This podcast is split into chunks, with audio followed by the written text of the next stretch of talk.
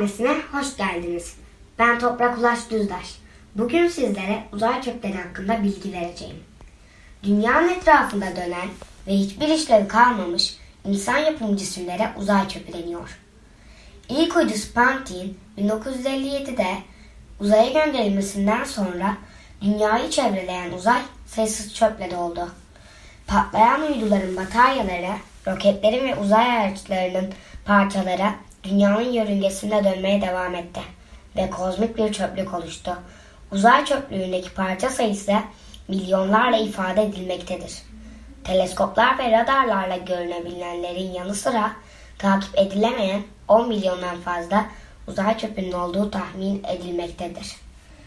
Uzay çöplerinin oluşum nedenlerinin başında gönderilen uyduların görevleri bittiğinde dünyaya geri dönüşlerinin maliyetinin yüksek olması nedeniyle uzayda kalmalarının tercih ediliyor olmasıdır.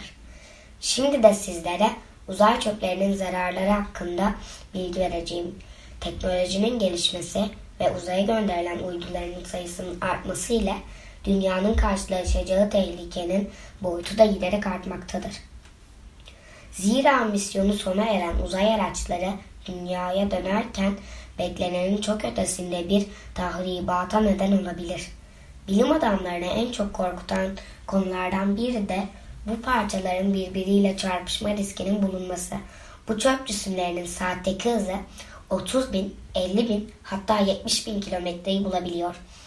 Örneğin 1965'te Edward White adlı astronotun elinden kaçırarak kaybettiği bir eldiven bir ay boyunca saatte 28 bin kilometre hızla dünyanın çevresinde dönmeye devam etti. Aktif uyduların büyük bir hızla devam eden kontrol dışı olan uzay çöpü ve ömrünü tamamlamış uyduların çarpışma riski giderek artmaktadır.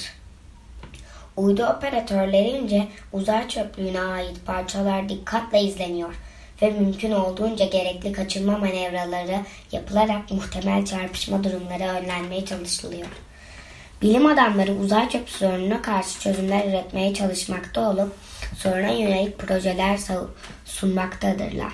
Güneşin ve ayın çekim rezonanslarından faydalanarak uyduları pasif yolla atmosfere ya da çöplük yörüngelere yönlendiren özel uzay araçları veya robotik paket kağıtları yardımıyla temizleme aracından bir çeşit ağ ya da zıpkın fırlatarak ya da çöplerin yanına yaklaşabilecek özel araçlarla çöpleri aktif olarak toplama, küçük çöpleri lazer ışınlarıyla yok etme, daha büyükleri lazer ya da plazma ışınlarıyla çöplük yörüngelere yönlendirme veya güneş rüzgarını kullanabilecek özel yelkenlilerin yardımı ile görevi biten uyduyu atmosfere yönlendirme gibi çözümler araştırılıp uygulanmaya çalışılmaktadır.